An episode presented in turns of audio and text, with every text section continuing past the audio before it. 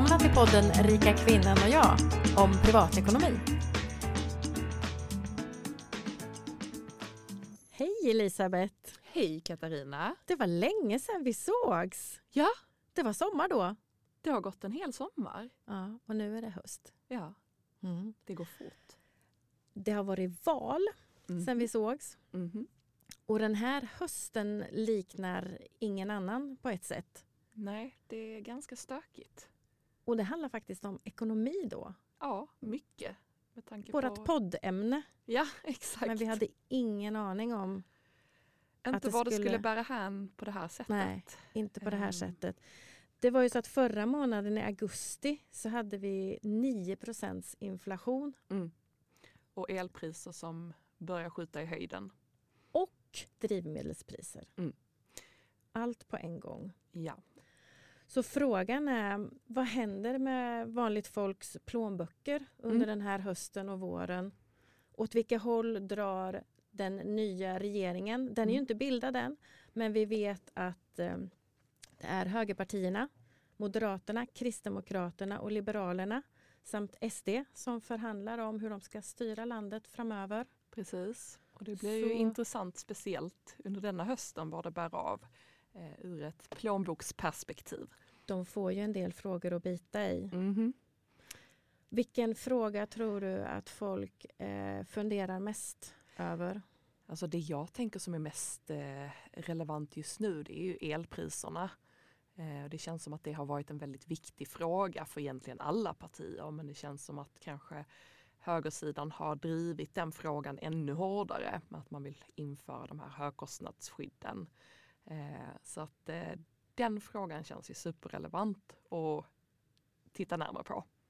Precis, jag läste någon artikel från TT där de skrev att den som blir finansminister måste hantera de här höga elpriserna och i värsta fall elransonera. Jag Mm. studsade när jag läste det ordet. Det känns så overkligt. Ja, det känns eh, väldigt eh, old school. Ja, hemskt. Men sen så slog det mig att jag har faktiskt eh, varit på Kuba och upplevt vad elransonering kan betyda. Ja, Det blev svart där plötsligt en dag. ja. Alla gick in och la sig mitt på dagen. Och Fick det är väldigt svårt någonting. att föreställa sig att det skulle hända i Sverige. Precis. Antagligen så händer det väl andra åtgärder innan något så drastiskt. Mm. Mm. Nu hörde jag hoppas det. häromdagen att riksdagen pratar om att myndigheterna ska dra ner på energiförbrukningen. Just Eh, det. Men hur har de inte kommit överens om än. Nej. Men du, ett högkostnadsskydd. Ja, Vet vi någonting om vad det skulle innebära? eh, det vi vet det är att det är framförallt Moderaterna som vill ha det här högkostnadsskyddet och då vill man titta på den modellen som man använder i Norge. Men exakt hur det skulle fungera i Sverige, det är nog lite svårt att säga om och vad det skulle eh, lägga sig i det här högkostnadsskyddet, det vill säga vad innebär det faktiskt för, för oss eh, elanvändare och konsumenter i, i kronor och ören. Det vet vi inte. Ehm, men tittar man på KD och SD så vill de ju snarare slopa skatten på el och moms under kommande vintern helt. Och det skulle absolut få en ganska stor effekt framför allt för oss säger jag, för jag tänker att de flesta som lyssnar kanske lyssnar från elområde 4. Eh, där, vi, där, där vi kommer eh, helt enkelt ha eh, de högsta elkostnaderna. I landet, ja. Ja. Mm. Så, att, eh, så att det hade ju varit eh, intressant eh, att titta lite på. Och jag kunde ju inte låta bli att göra lite räkneexempel. Härligt. Eller härligt, jag vet inte hur resultatet lyder. Ja, det, Berätta. det ser ju rätt så eh, tufft ut skulle jag vilja säga. Eh, tittar man liksom på vad, vad en eh, villa eh, en villa som drar, jag har räknat på två scenarier, 20 000 kilowatt och 10 000 kilowatt. Så förra året så betalade man, om man då förbrukade 20 000 kilowatt, ungefär 4 000 i månaden. Och sen då ungefär 2 000 i månaden om man förbrukar 10 000. Det blir ju nästan hälften. Men i år så ser vi ju att den utvecklingen kommer ju ligga på snarare 6 500 i snitt pratar vi nu Mm. helåret för de som förbrukar 20 000 och 3 500 för de som bruk, förbrukar 10 000. Mm. Men det intressanta är ju att titta på vad händer under vintermånaderna. Och det här är ju bara prognossiffror, vad man tror att det kommer landa på. Eh, så att jag har också räknat på lite högre scenarier. Eh, om, om det blir skulle... en kall vinter? Ja men också om elpriserna ligger på 10 kronor per kilowatt som de har varit uppe i, ja. eh, i eh, tillfällen under eh, hösten redan och då har det inte ens varit kallt. Så vad händer om priserna skulle stiga till 10 kronor eh, per kilowatt? Ja, då är vi ju liksom uppe i en månadskostnad på 30 000 om oh. du gör av med 20 000 kilowatt per år. Och 15 eller ja, runt 15 000 om du gör av med 10 000 kilowatt per år. Det är rätt saftigt. Det låter knäckande. Mm. Eh, nu har jag förstått som att eh, de här fyra partierna som förhandlar med varandra har tänkt sig att man senast i november ska presentera någon form av högkostnadsskydd och att det ska börja gälla då. Mm.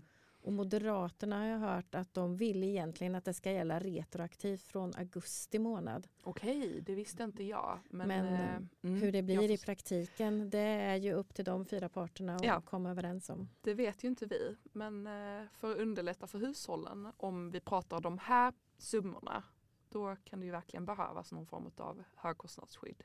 Mm. Alternativt att man slopar moms och skatt. Det som är lite kämpigt är ju att eh, samtidigt som, som man ska hantera de här höga elpriserna så är det ju så att om man är beroende av bilen så ökar ju priserna för drivmedel också. Mm. Och där är tre av de här partierna som ska styra överens. Moderaterna, Kristdemokraterna och SD vill sänka skatten på drivmedel. Men det vill inte Liberalerna. Eh, Moderaternas förslag är att sänka reduktionsplikten till EU-nivå. Och eh, enligt deras egen hemsida så skulle det ge ungefär 5 kronor. Det är också en sån mm. uträkning som mm. jag inte vet vad den är värd i slutändan men det ger en hint. Mm. Och vad ligger drivmedelpriserna på idag? Är det runt 20? Nej, jag har inte tittat de senaste dagarna men, eh, men oh, min dotter reagerade redan i somras. Mamma, tusen kronor sa hon när jag fyllde den där lilla tanken i golfen. Ja. Um, då låg de väl på 24. Nu vet jag inte riktigt var de ligger. Men jag tror att de har gått ner lite grann. Okej. Okay. Ja, vi borde titta upp, kolla upp det. jag cyklar och åker kollektivt så mycket som möjligt nu. Jag är och när jag tankar så tankar jag och blundar. det är så man får mm, göra.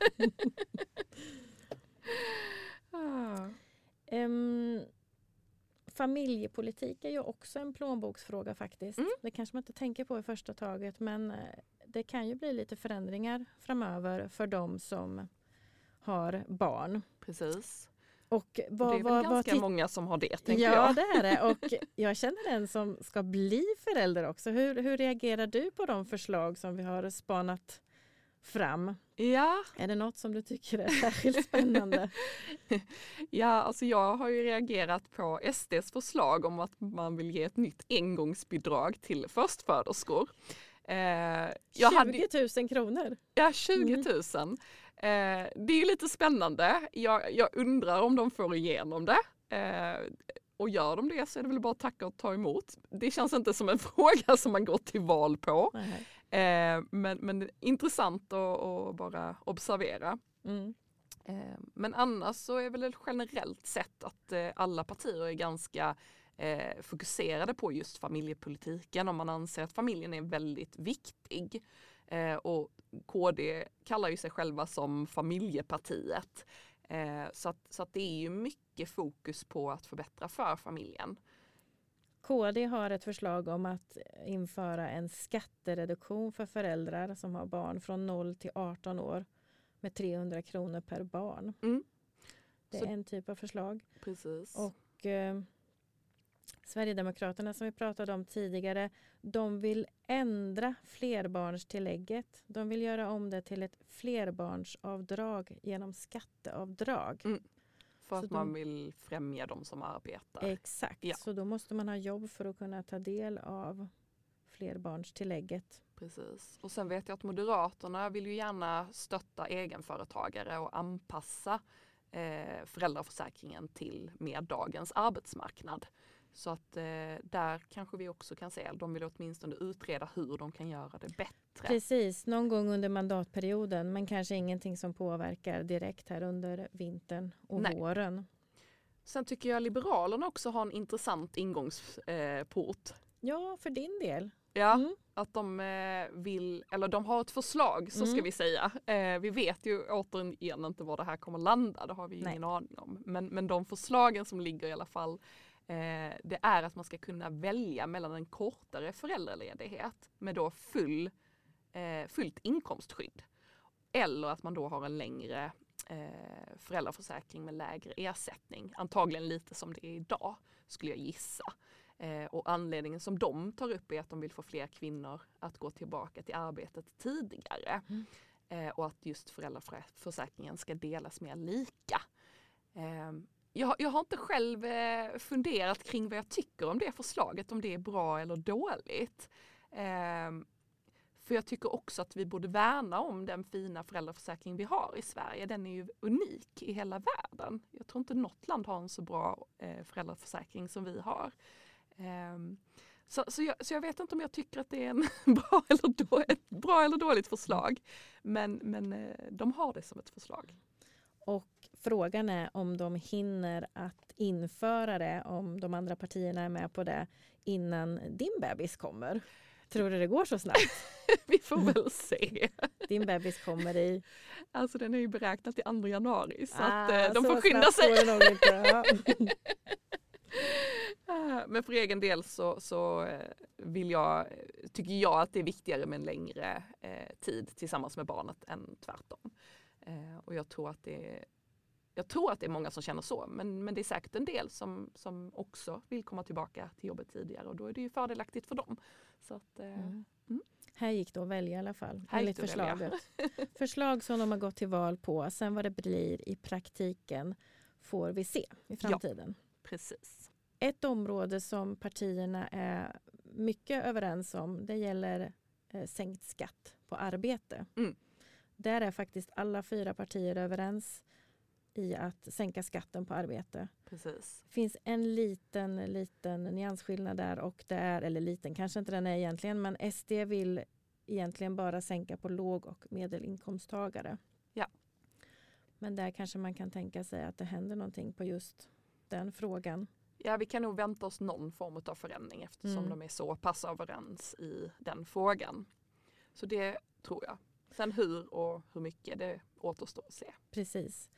En annan fråga där de fyra partierna är överens gäller sänkt skatt på pensionen. Mm. Där tycker de att eh, det inte ska skattas högre. Pensionen ska inte skattas högre än arbete. Precis. Det är alla fyra överens om. Och de tänker sig någon form av höjd garantipension och en pensionsgas. Ja, intressant. Vad är det? Ekonom Frida Bratt berättar att det finns en broms i pensionssystemet i dagsläget som gör att lägre pensioner delas ut i lågkonjunktur. Mm. Och då handlar förslaget om att man skulle kunna dela ut högre pensioner i högkonjunktur Mm. när det finns ett eh, överskott. Ja. Och eh, då har Frida räknat på det här och då ser det ut som så att man skulle kunna få ungefär 250 kronor per månad om man har en pension på cirka 17 000 kronor. Mm. Man skulle kunna få 112 kronor extra om man tjänar, får, inte tjänar, om man har 12 000 i pension. Mm. Och man skulle få 360 kronor i månaden om man har 20 000 kronor i pension. Så man kan väl säga allt som allt om man lägger ihop det så blir det bättre för pensionärerna, verkar det som. Vad gäller sjukpenningen så tänker de inte riktigt likadant alla fyra. Tre partier, Moderaterna, Kristdemokraterna och Liberalerna vill återinföra den bortre gränsen i sjukförsäkringen. Det är SD helt emot. Mm. Och- Och SD har ett annat förslag som de är lite ensamma om i den här gruppen och det är att de vill att tandvården ska ingå i högkostnadsskyddet.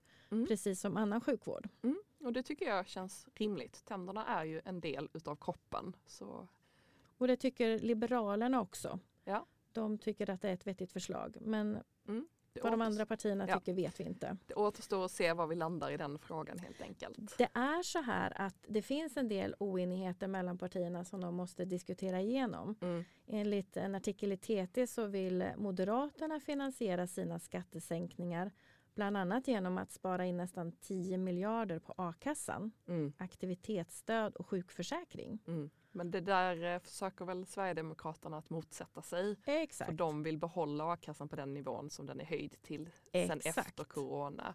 Precis. Så att eh, det återstår väl att se där hur de kommer överens just i Ja. den frågan.